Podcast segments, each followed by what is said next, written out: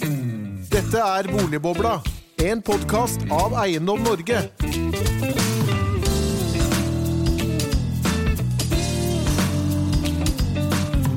Hjertelig velkommen til en ny episode av Boligbobla. Denne gang om ulikhet i boligmarkedet. Den norske eierlinjen er under press. Særlig urovekkende er det at eh, det blir færre boligeiere blant husholdningene med lavest inntekt. Årsaken til dette er eh, høye boligpriser og en boliglånsforskrift som setter en grense for hvor rik eh, man må være for å få boliglån. Hvordan skal vi sørge for at nordmenn flest også i fremtiden er boligeiere, spør vi? Og hvordan skal vi gjøre forholdene bedre for de som er leieretagere i et land av boligeiere. Med oss har vi to gjester. Eh, Karistan Andersen, stortingsrepresentant fra SV, hjertelig velkommen til deg. Tusen takk for det. Og Lars Aasen, daglig leder i Leieboerforeningen, hjertelig velkommen til deg. Takk. Og ved min side, som alltid, Christian Dreyer. Hjertelig velkommen til deg. Tusen takk, Erik. Jeg må jo begynne med deg, eh, Christian. Hvorfor, hvorfor skal hovedregelen eh, i Norge være at vi skal eie vår egen bolig?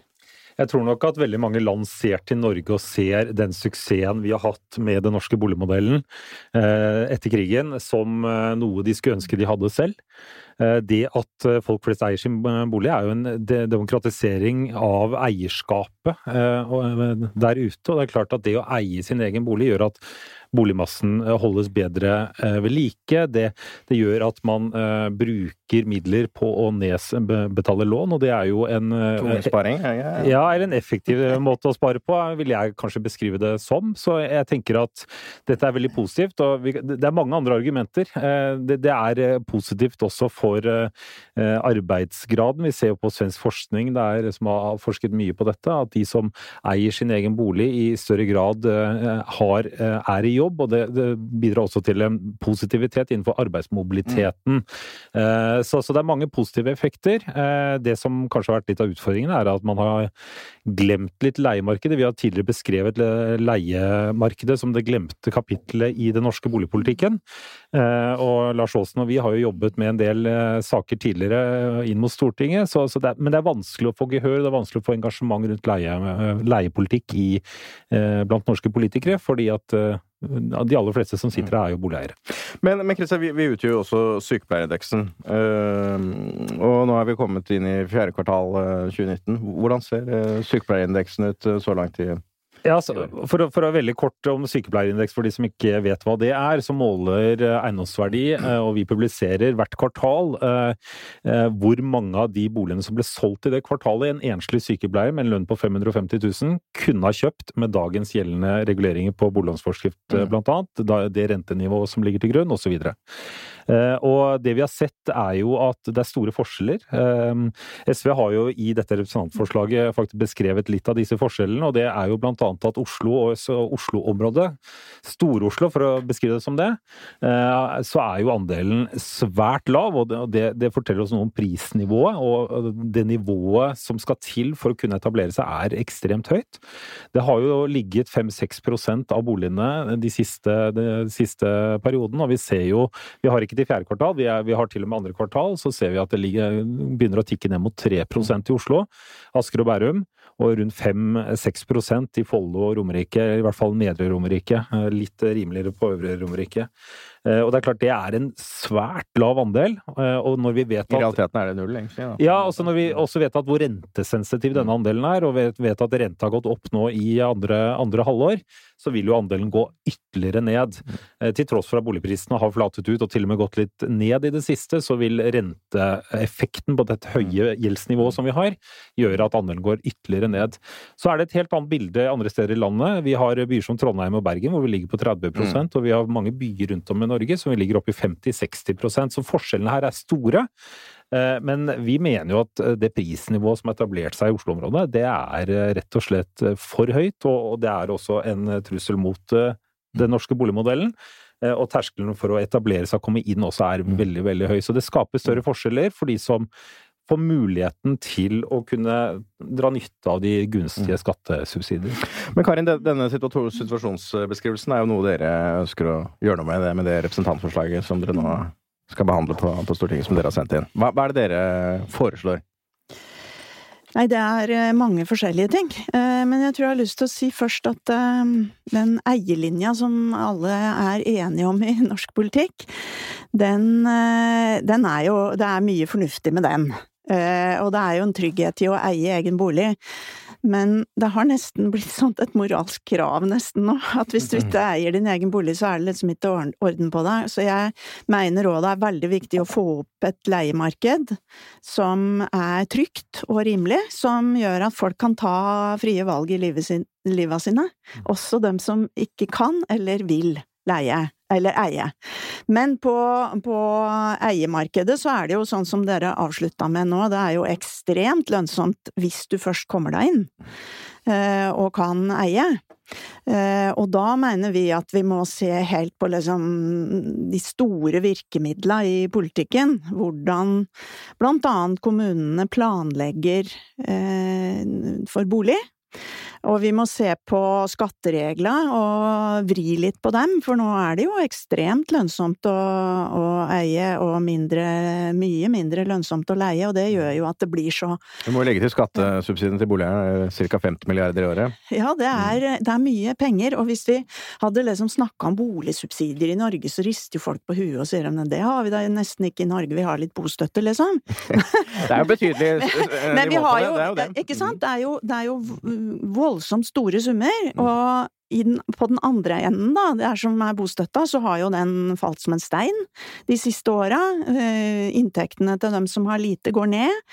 Boligutgiftene går opp og færre og færre får bostøtte. Og det betyr jo liksom at altså boligmarkedet har blitt en forskjellsmaskin, mm, mm. Eh, som liksom bidrar nå negativt inn i de store trendene vi ser, og som alle sier de er uenige om, men mm. da må vi gjøre noe med det. Mm. Og bolig må alle ha. Det er, det er så viktig at jeg har jo fremma grunnlovsforslag i flere ja, ja, runder nå om at mm. det må, må grunnlovsfestes, for bolig er faktisk en ting vi kan vedta og bestemme og telle. Altså det er veldig mange ting politikere kan liksom som vedtas som er litt sånn vanskeligere å bestemme, men akkurat på bolig kan vi det, og da mener vi jo at vi trenger en, en plan for dette. At det må, man må begynne å tenke nå åssen dette skal planlegges framover i tid, både på eie- og leiemarkedet i kommunen. Men da tenker, tenker, du på bygging og tilbudssiden, da? På, på, på bygging, men mm. åssen areala skal brukes. Mm. Eh, at man må sette av både leieboliger, leie til eieboliger, og eh, altså sosiale boliger inn i de boligprosjektene som nå bygges. Og så må vi passe på da, at disse boligene her faktisk blir tilgjengelige for dem som skal kjøpe seg bolig og et hjem, og at de ikke blir kjøpt opp av dem som da vil spekulere i bolig, eller drive med rein hotell, sånn som det er noen som driver med Der har man jo strammet inn, da. Mm, mm. Ja, stramma inn noe. Vi får mm. se om det virker. For det er klart at alt dette her, det, Når det er så lønnsomt, så vil jo folk som vil plassere pengene sine, også gå inn i disse markedene der det er mest lønnsomt. Mm. Og da er vi nødt til å se hvordan vi kan stramme inn på det, sånn at For det er, det er jo ikke sånn at det er nok arealer og nok boliger i, i sentrale områder. Og sentraliseringa, den går jo så det griner, så kan vi jo diskutere den, liksom, men, mm. men det er jo et faktum at det mm. er slik. Og, og, da er det jo viktig at byer som Oslo og andre store byer også har råd til at den innbyggerne deres som skal jobbe i barnehagen og kjøre bussen og jobbe på eldreomsorgen og stå i butikken og gjøre alle de viktige jobbene, at de òg har råd til å bo i nærheten av arbeidet sitt. Mm. Uh, og det viser jo denne sykepleierstatistikken som dere har tatt opp, at det er nesten umulig. Mm hvert fall hvis du da ikke har foreldre eller besteforeldrebanken i orden, altså noen som kan legge den egenkapitalen på bordet for deg. For det er jo òg et liksom et veldig stort paradoks nå, er jo at du, du, du betaler mer for å leie mm. enn du hadde betalt hvis du hadde fått det ekstra lånet som eh, egenkapitalen eh, nå er. Mm. Og det har vi òg ønska å gjort noe med, da, at vi tar opp igjen den startlånsordningen som Husbanken hadde før. Sånn at hvis du kan betale lånet, hvis du er nyutdanna, kanskje har studielån, men og, og utsikter og til å tjene rimelig greit framover, men så skal du kunne få det lånet, da, og komme deg inn på eiemarkedet. For som dere sier, sånn som det er i dag, så er det jo det smarteste du kan gjøre, er jo å spare ned på egen bolig, i stedet for å sitte og betale det hvite ut av øyet i leieutgifter, som du da sparer opp, for å si sånn, formue til andre. Men det er mange forslag her, og det, det, det, syvende punktet her er jo det du nevnte, altså den ikke-kommersielle boligorganisasjonen, mm -hmm. fellesskapsboliger etter modell av den danske allmenne bolig, skriver dere i forslaget. Mm -hmm. Dette er jo den tredje boligsektor, da, ja. strengt talt, som er jo det byrådet her i, i, Oslo også nå ja, skal legge til rette for. Hvordan ser du for deg at dette skal egentlig gjennomføres? Nei, Vi må jo utrede hvordan dette passer inn i det norske systemet, da, for mm. det er jo ikke likt, og det er jo Og det er jo historiske ting her også. Det er, det er jo grunnen til at man har disse modellene i Tyskland mange, og, og, og, Danmark. Det er jo fordi at de historisk har myndighetene hatt. Og mye vanligere å leie enn mm. det det har vært her. Du Vi har ikke si, de samme skatteinsentivene. Altså, eh, jeg bruker å si det at en del av norsk boligpolitikk ble forma av eh, Blant annet det som Trygve Bratteli sa om dette. Han sa 'ingen skal eie andres hjem'. Det skal ikke være en menneskerett å var det? Levebrød på andres bolig? Ja, og det jeg tror Altså, jeg mm. fortalte dere før vi starta her at jeg er en av husmannsunga som har bodd der andre har eggd oss. Og det tror jeg folk i bya også opplevde før, at liksom dem som eide leiegårda, dem skalta og valta med folk. Så det å eie sin egen bolig ble et veldig viktig sånn eh, var en, vært en veldig viktig sak, sånn at du skulle kunne bo trygt og mm. eie deg sjøl og, og hjemmet ditt. Så så derfor så er jo det liksom Så har Norge lagt mye mindre vekt på liksom en, en eh, organisert leiesektor, og så hadde vi borettslagsmodellen i veldig, veldig mange år, som jo fungerte litt sånn. Mm. Hvis du i hvert fall var medlem og hadde inngangsbilletten. Men det var jo vesensforskjell, da. Det var jo at man eide boligen selv. Da. Det var da ikke borettslaget ja. som eide den. Ja, mm. men du, det for mange, alle, mange, praktiske formål eide du det, ikke sant? Sånn at du, du var ikke utsatt for en, mm. en, huseier som kunne kaste deg ut. Nei. Og det eh, Jeg tror det er mange som eh, ser litt tilbake igjen nå på den modellen. Vi får utrede åssen dette passer inn i den norske modellen, men jeg er helt overbevist om at vi trenger en skjerma sektor. For det første så trenger vi å regulere kommunenes utleieboliger. De er sosiale, og det er ingen annen grunn i dag, i hvert fall, til at kommunen skal eie leiligheter enn at de skal være sosiale, og de er jo nå gjengs leie sånn som de er på markedet ellers, og det slår jo nå ganske grotesk ut mm. mange steder, fordi husleiene blir så høye at folk som nå er på uføretrygd og har mista bostøtta, mm. de har jo ikke råd til dette og må leve resten av livet på sosialhjelp, og det er jo det er et meningsløst system. Og så har du liksom andre folk som kan trenge en trygg leiebolig. Og så har du det som vi nå eh, alle prater om, leie-til-eie-modellene, sånn som Sandnes kommune for eksempel har vært veldig flinke på. Det er jo òg en modell som jeg mener vi bør gjøre mye mer av framover. Mm, mm. Slik at det blir òg Altså, høyresida snakker mye om valgfrihet, jeg er litt opptatt av det òg når det gjelder bolig. Både at du skal kunne velge å eie, men du skal også kunne velge å leie. Eh, Lars, uh, dere, du representerer jo leietagerne her i Norge. Hva, hva tenker du om de, de, forslagene som er uh, kommet på bordet om annet en ikke-kommersiell og tredje boligsektor? Ja, altså Hvis vi isolerer dette til boligpolitikk, så syns jo jeg at SV har den beste boligpolitikken av alle. Jeg er helt enig i alle de forslagene som står der. Om det er realisme i det, det vet jeg ikke. Og jeg skulle jo gjerne ønske at det hadde altså ikke til forkleinelse for det SV gjør, for det er viktig, men skulle jo helst vært Arbeiderpartiet eller noen på, av de borgerlige partiene som hadde fremma dette, så vi hadde fått mer sånn reell debatt rundt det. For det blir jo ikke noe reell debatt rundt det, og det er jo det som er greia. Da blir det debatt her greia. Ja, det er viktig. Og det er mulig at vi er i en brytningstid nå. Det er jo mange som mener det.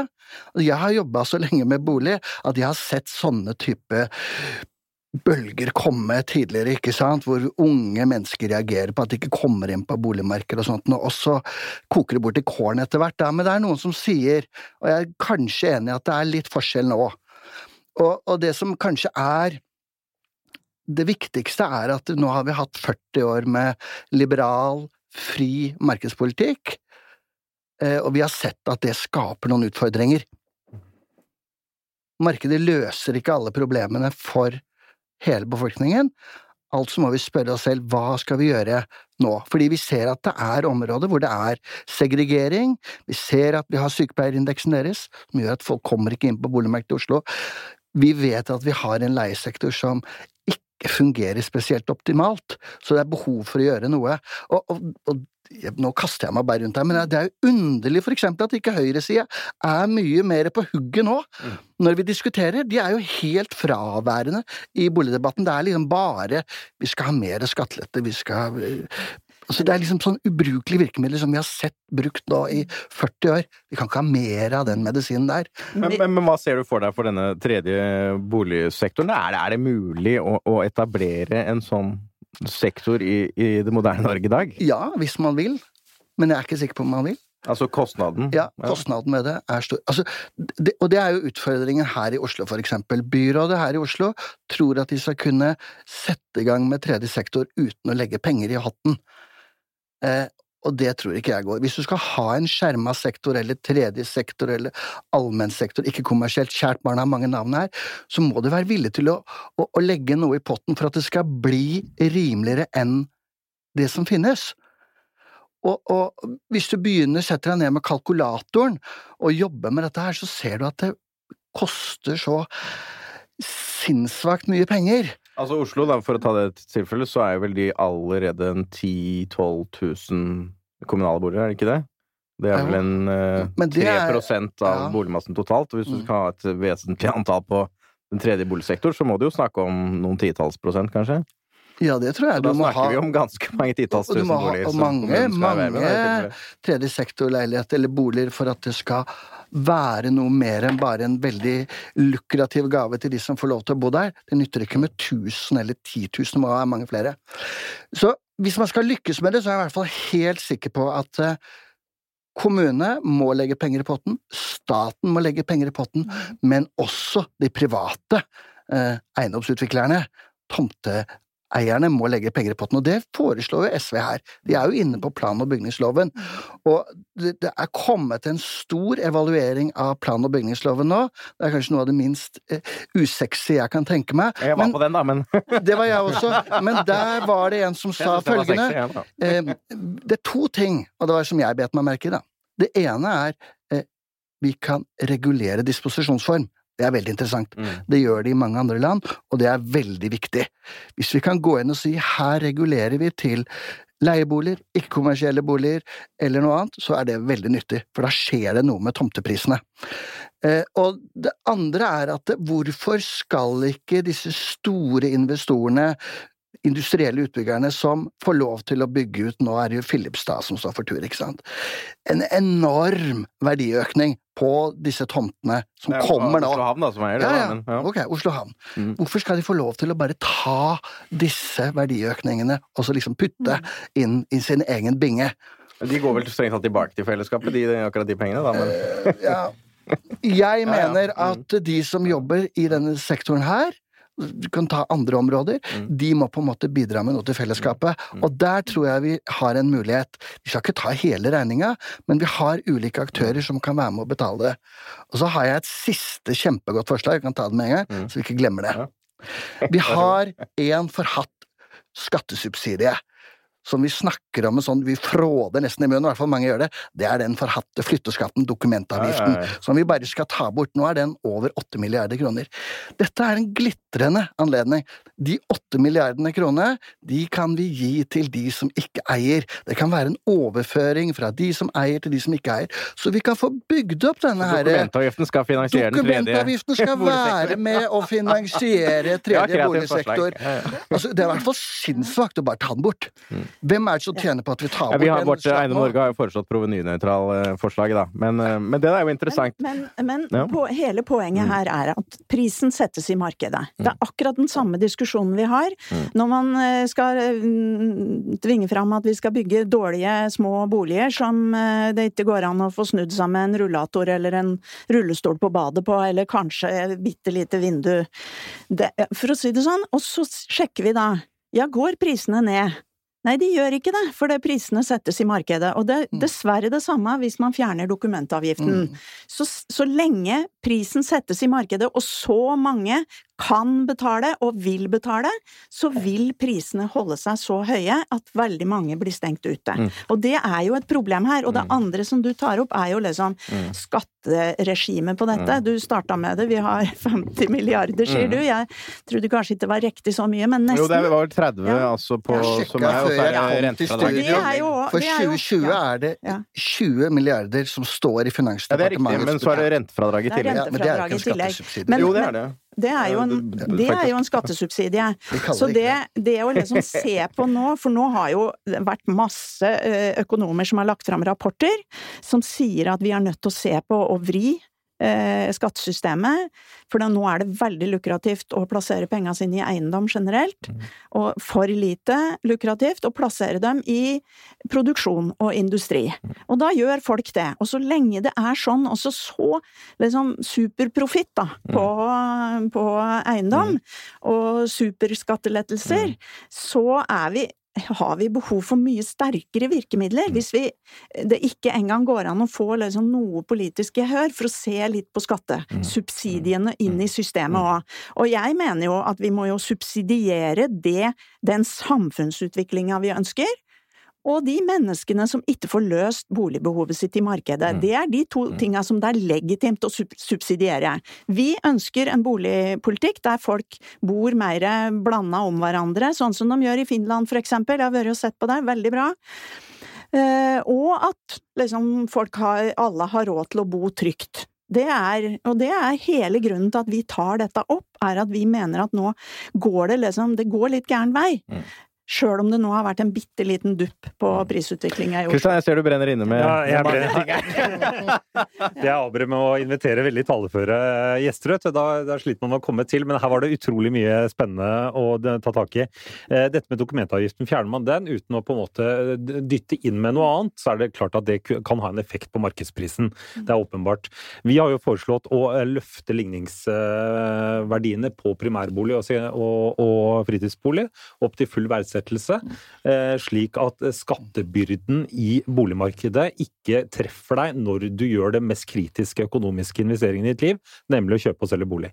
Så vi mener å flytte da eh, skattebyrden over på alle boligeiere eh, hver dag, hele tiden, framfor å gjøre det akkurat når du flytter. Eh, og det mener vi også er sosialt, fordi den høyeste andelen frekvensen flyttere, det er unge mennesker. Det er folk i familieforøkelsessituasjoner, og det å legge skattebyrden på de når de er i en flyttesituasjon, mener vi er usosialt. Men, hvor, men kan jeg bare få spørre, da, fordi jeg, det, det- dette skjønner jeg, og Mm. dette har jeg ønska mange ganger. Ja. Men problemet er jo liksom, du sier at prisen går ned. Hvordan kan du si det når du veit at prisen settes i markedet? Nei, eh, jeg mener at prisen kan gå opp med å fjerne dokumentavgiften alene. Ja. Men hvis man da eh, møter det med full verdsettelse av ligningsverdiene, Mm. så, så vil det jo være dyrere å eie. Dette er jo også eie. forslaget til Scheel-utvalget fra 2014. Ja, Mm. så det, så det er det jeg mener, at vi ønsker å gjøre det provenynøytralt, sånn at ikke det argumentet i seg selv er for eller imot. Da, da, da kommer diskusjonen på ønsker man en full verdsettelse av primærboligen i skattesystemet, og det mener jeg eh, Det fins nesten ikke en eneste økonom i Norge som ikke mener det er et riktig grep å gjøre. Dessuten så slår ikke det ut for den gjennomsnittsboligeieren så kraftig som man kanskje skulle tro. Altså Snarere tvert imot blir du Men vi må huske på at det er ikke økonomene som fastsetter boligpolitikken her. Det er Hadde det vært det, hadde det det- sett helt annerledes ut. nå blir det veldig mange tråder. Ja, det, er, det er poenget mitt, men jeg har lyst til å ta tak i Det var en annen Jeg ville bare egentlig raskt gå videre i forhold til forslag som dere har kommet med i dette representantforslaget, som nå også Lars har eh, omfavnet eh, og gitt en ordentlig bjørneklem til. Og det er jo dette her med eh, at boligbyggerne skal da eh, eh, gi bort en andel av boligene i prosjektene til sosialboliger, eh, allmennyttige formål osv. I tillegg så har dere også foreslått at eh, endre plan- og bygningsloven til å, eh, at en del av eh, en del av de sosiale kostnadene knyttet til skole, barnehage osv. Også, også må dekkes i boligprosjektene. Eh, Jeg liker eh, retningen og tanken i det dere gjør. Jeg tror det er mye større interesse også fra boligbyggerne å bidra inn i dette fellesskapet. eh, Så fremt dette oppleves som et fellesskap som man alle bidrar for å gjøre samfunnet bedre. Men eh, vi må erkjenne at sånne grep har en kostnad i andre enden. Og kostnaden handler om dyrere kostnader på det å ferdigstille et boligprosjekt. Og når man i andre enden opplever et etatsverk, blant annet i Oslo, men også andre steder, som setter veldig rigide rammer på hvor mange boliger du kan bygge, hvor høyt du kan bygge, osv., så, videre, så er det et eh, sluttresultat til slutt og det er prisen på den enkelte leiligheten. Så hvis eh, man eh, er veldig rigid på reguleringene, samtidig som man trekker inn veldig mange nye krav til kostnader i prosjektene, så bidrar dette til å øke prisene, eller? Ja, det spørs jo om man gjør noe av det Lars sier her, altså legger penger inn i det. For jeg har heller ingen tro på at dette eh, betaler seg sjøl. Og jeg har heller ikke noe tro, dessverre, på at utbyggerne liksom syns at de har noen kroner å avse. Det vil jeg jo håpe, at man kunne liksom se litt på marginene i utbyggingsprosjektene, men jeg har ikke noe tro på at det skjer helt av seg sjøl. Så så, så derfor så mener jo vi at vi må få utreda dette og sett hvordan vi skal gjøre det, fordi Og så drar du inn liksom, man får ikke lov å bygge så høyt eller så mange man vil videre, men det har jo også andre samfunnsmessige hensyn da. Hva slags lokalsamfunn ønsker vi? Mm. Og så er det det grønne ja. skiftet også. Og så er det det grønne skiftet. Vi skal, bo, vi skal bo tett. Vi skal ta all økning i, i trafikken med gange, sykkel mm. og Og det er veldig mange ting her som som på en måte skal løses samtidig. Så det her er det, det er veldig krevende, og derfor så er det, men derfor så er det så nødvendig at vi kommer i gang, for nå er det jo, det er veldig mye som er utbygd, da. Så de mm. nye prosjektene som kommer nå, at vi klarer å liksom starte de på en på en annen måte. Men du ser da, viljen i ganske mange private aktører. Eh, Obos, Fredensborg ja, ja. kommer nå med leie-til-konsept der hvor jeg skal begynne ja, å jobbe. En disclaimer der. Um, og, og, flere andre aktører jeg, Ja, jeg håper det. Og derfor er, så, er det jo fint hvis dere da kan, kan nå komme med konstruktive innspill, sånn mm. at det er mulig å få gjort noen endringer her, for jeg tror dessverre Lars Aasen også har rett i at det er veldig dørgende stille fra alle de andre. Eh, dette er et eh, område som særlig hvis du begynner å snakke litt om skatt og endringer og sånn, så rygger jo folk unna veldig, de store politiske partiene, sjøl om alle veit at det må skje. Det er som er elefanten i rommet, det, må, det, er, det, det, er, den elefanten i rommet som nesten ingen vil prate om. Mm.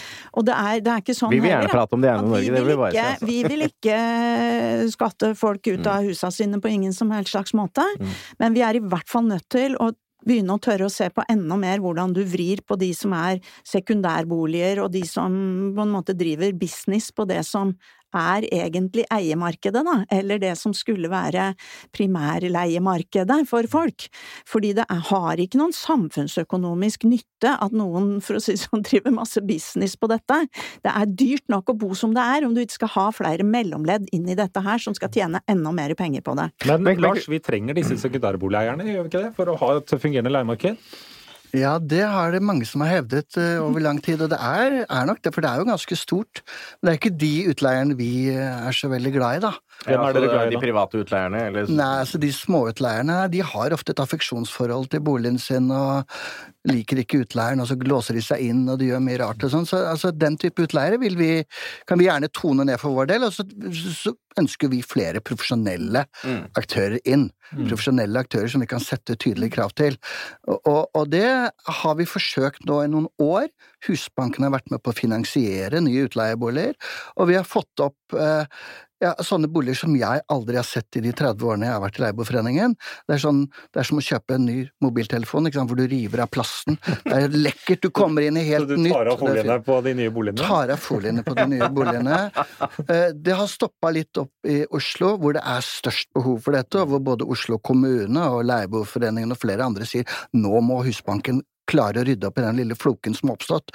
Så håper jeg vi klarer det etter hvert, men, men, det er en veldig veldig bra satsing som jeg mener vi må rulle ut i mye større grad. Så har jo Eiendom Norge og Leieboerforeningen og et par andre skrevet en felles kronikk hvor vi sier at eh, hvis vi gir avskrivning på eiendom til altså, profesjonelle utleiere, driver over en viss størrelse, så, så vil, du, mm. vil, du, få eh, en interesse for dette markedet.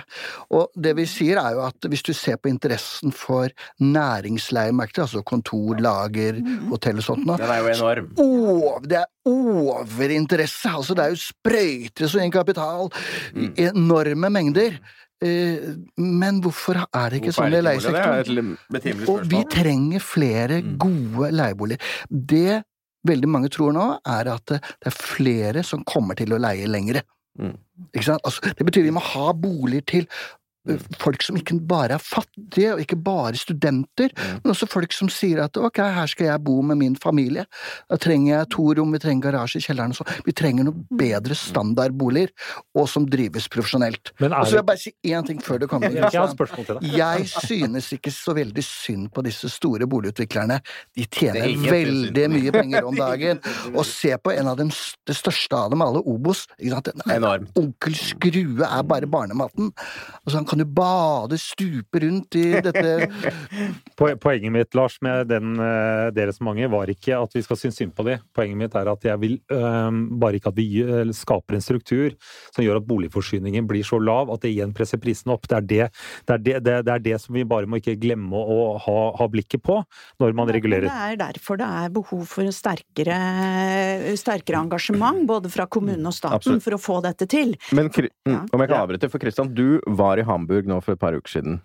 Ja, eh, Og- ja. Da må du fortelle, hva, hva er de driver på med der? For dette, dette er jo relevant til dette, mm, dette et av punktene her i forslaget fra Absolutt. SV. Eh, Nå hadde jeg lyst til å bare peke på én ting først, eh, Erik, så kommer jeg dit. Og det er at eh, vi har vel en utfordring med den regulatoriske husleieloven i forhold til dette med å bo lenger. Er slik husleieloven er, det er organisert nå, så er det enten tre års tidsbestemte avtaler, eller så er det avtalefestede avtaler for evig og alltid. Og, eh, og mange profesjonelle utbygge- utleiere ønsker jo langsiktighet i avtalene, men de ønsker heller ikke uoppsigelige leiekontrakter der det blir et leieforhold som skjærer seg. Og det blir sånn enten-eller nå i eh, husleie... Her er det en feiltolkning. De er ikke uoppsigelige selv om de er tidsubestemte. Nei da, men jeg tror vi er inne i nettopp det. kjernen. Du har et oppsigelsesvern. Ja, men jeg tror vi er inne i kjernen i kanskje noe av problemstillingen også i forhold til kortsiktigheten i leieforhold. For jeg tror at eh, den kortsiktigheten og uforutsigbarheten for mange leietagere er fordi mange utleiere velger disse tidsbestemte kontraktene, og de må vi bort ifra. Eh, og, og, og, og da løser vi mer forutsigbarhet til familiesituasjonen for mange leietagere i Norge. Så til Hamburg. Eh, og der, det har dere også pekt på, Karin, i representantforslaget. Og der har man jo gått inn, eh, ikke bare Hamburg, men egentlig i Tyskland generelt. Og eh, jeg ble nesten litt eh, sjokkert da jeg fikk det beskrevet en eh, kommune myndighets, eh, fra myndighetshold som i så stor grad detaljstyrer andelen boliger til utleie med regulerte leier, andelen boliger til eh, sosiale boliger, eh, og til og med andelen eh, hvor mye man tar i avanse på selve prosjektet til slutt. Men for å kunne gjøre det, da må jo kommunen i andre enden som tomteeier, som de ofte er til innledningsvis, akseptere en betydelig lavere tomtekost. Mm. Eh, Og det er her kommunen må inn i mye større grad og akseptere det. For hvis kommunen er ute i markedet i dag, så tar jo de den også den høyeste prisen. Ja, nei, det har jo blitt sånn nå, at alle Mm. gjør det. Og da ender vi opp der vi er nå. Og problemet er jo at i en del av de store byene så eier kommunene for lite nå. Ja. Sånn at når de skal ha tomter å gjøre dette på, så må de kanskje inn og kjøpe dem sjøl, Mm. i tillegg. Og det, så her må vi jo også se hvordan liksom den kommunale andelen inn i dette skal skje. Men jeg var òg Jeg har eh, sett på dette i, i Tyskland, men jeg var òg i Finland for ganske mange år siden. Og inni et sånn eh, område der, og i samme oppgangen var det altså sjøleierleilighet, borettslagsleilighet, studentbolig, sosialbolig og ut, utleiebolig. Altså samme oppgangen. Og der bodde liksom folk om hverandre, og det var Og du, det, du kunne se liksom eh, hva som var hva i det hele tatt. Og jeg tror at sånne Sånn måte å regulere på er mye bedre enn det man gjør nå, for nå bidrar òg boligpolitikken til segregering. Og det Da er det kommunene da, som Da- på en måte kommunene- regulerer hele sammensetningen Ja, av derfor man bygården, det er derfor man må ha en boligplan. Og det er klart, dette er ikke så lett i Norge som har hatt en liten leiesektor, og det er mange av oss som har jobba for at vi skal eie sjøl, av gode grunner, da. Mm. Eh, og eh, nettopp fordi at det er, eh, det er mangel på tomter, og at kommunene eier eh, ikke så mange av dem. Staten eier jo en del tomt, da. Staten eier en del tomt, og det vi òg var så vidt innom i stad, var jo dette at vi nå skal liksom bygge rundt eh, kollektivknutepunktene. Så hvis vi nå får litt sving på jernbanen nå, og får den, får den til å gå skikkelig, så er det jo mange områder i nærheten og rundt Oslo også. Jeg er jo fra Hedmark, Jeg har kjørt tog hit fra Hamar i dag. Det går fint, og Mm. snart blir det dobbeltspor hele veien. Mm. Kongsvinger er et annet sted som er mitt hjerte nær, og det, er veldig mange steder her nå som det kanskje noen av disse prosjektene òg er enklere å utløse Mm. eh, enn midt i Oslo òg, og som gjør at folk òg kan bo veldig sentralt og fint, og du kan velge om du vil jobbe der eller i Oslo og ha liksom større valgfrihet på det området òg. Så jeg tenker at den, vi er, det er et momentum nå. Det er det. Det er det, og da må liksom kommunene eh, få, både få og ta en mye sterkere rolle i den tomtebruken nå til til eh, boligformål, og sørge for at vi da at det blir lov og mulighet til å regulere mye mer sånn mangfoldig, da, sånn som var gjort. Og da tar jeg opp igjen det her med Sandnes, for de har jo gjort sånne utbyggingsavtaler, de med utbyggere, men de har eid tomtene sjøl, og satt prisen ned, og det har fugga. Og det er jo et område der det liksom virkelig er press òg. Det er jo, det er, det er jo liksom ikke Distrikts-Norge på det vanskeligste, dette her. Eh, Men det jeg òg Og hvis bare si litt om det òg, så er jo Det er klart det er dyrt å bo her, så har dere en indeks som sier at det kan være billig å bo andre sted, men et av problemene der er jo at der får vi betenker folk seg før de går inn og kjøper, for de veit at det kan bli vanskelig å få solgt. Ja. Så der er det et annet problem som òg må løses, da. Sånn at du kan få sykepleiere og lærere på skolene rundt omkring i Distrikts-Norge òg, for det er helt nødvendig. Og, ja. Lars? Ja, nei, Helt kort så tenker jeg på at vi er, vi er så lett for oss at vi snakker om å regulere og, og styre og sånt noe, men jeg så i Sverige nå for ikke så lenge siden et prosjekt hvor man utfordret byggenæringen til å komme med gode ideer sjøl, altså, og de fikk lov til å konkurrere om gode sosiale prosjekter.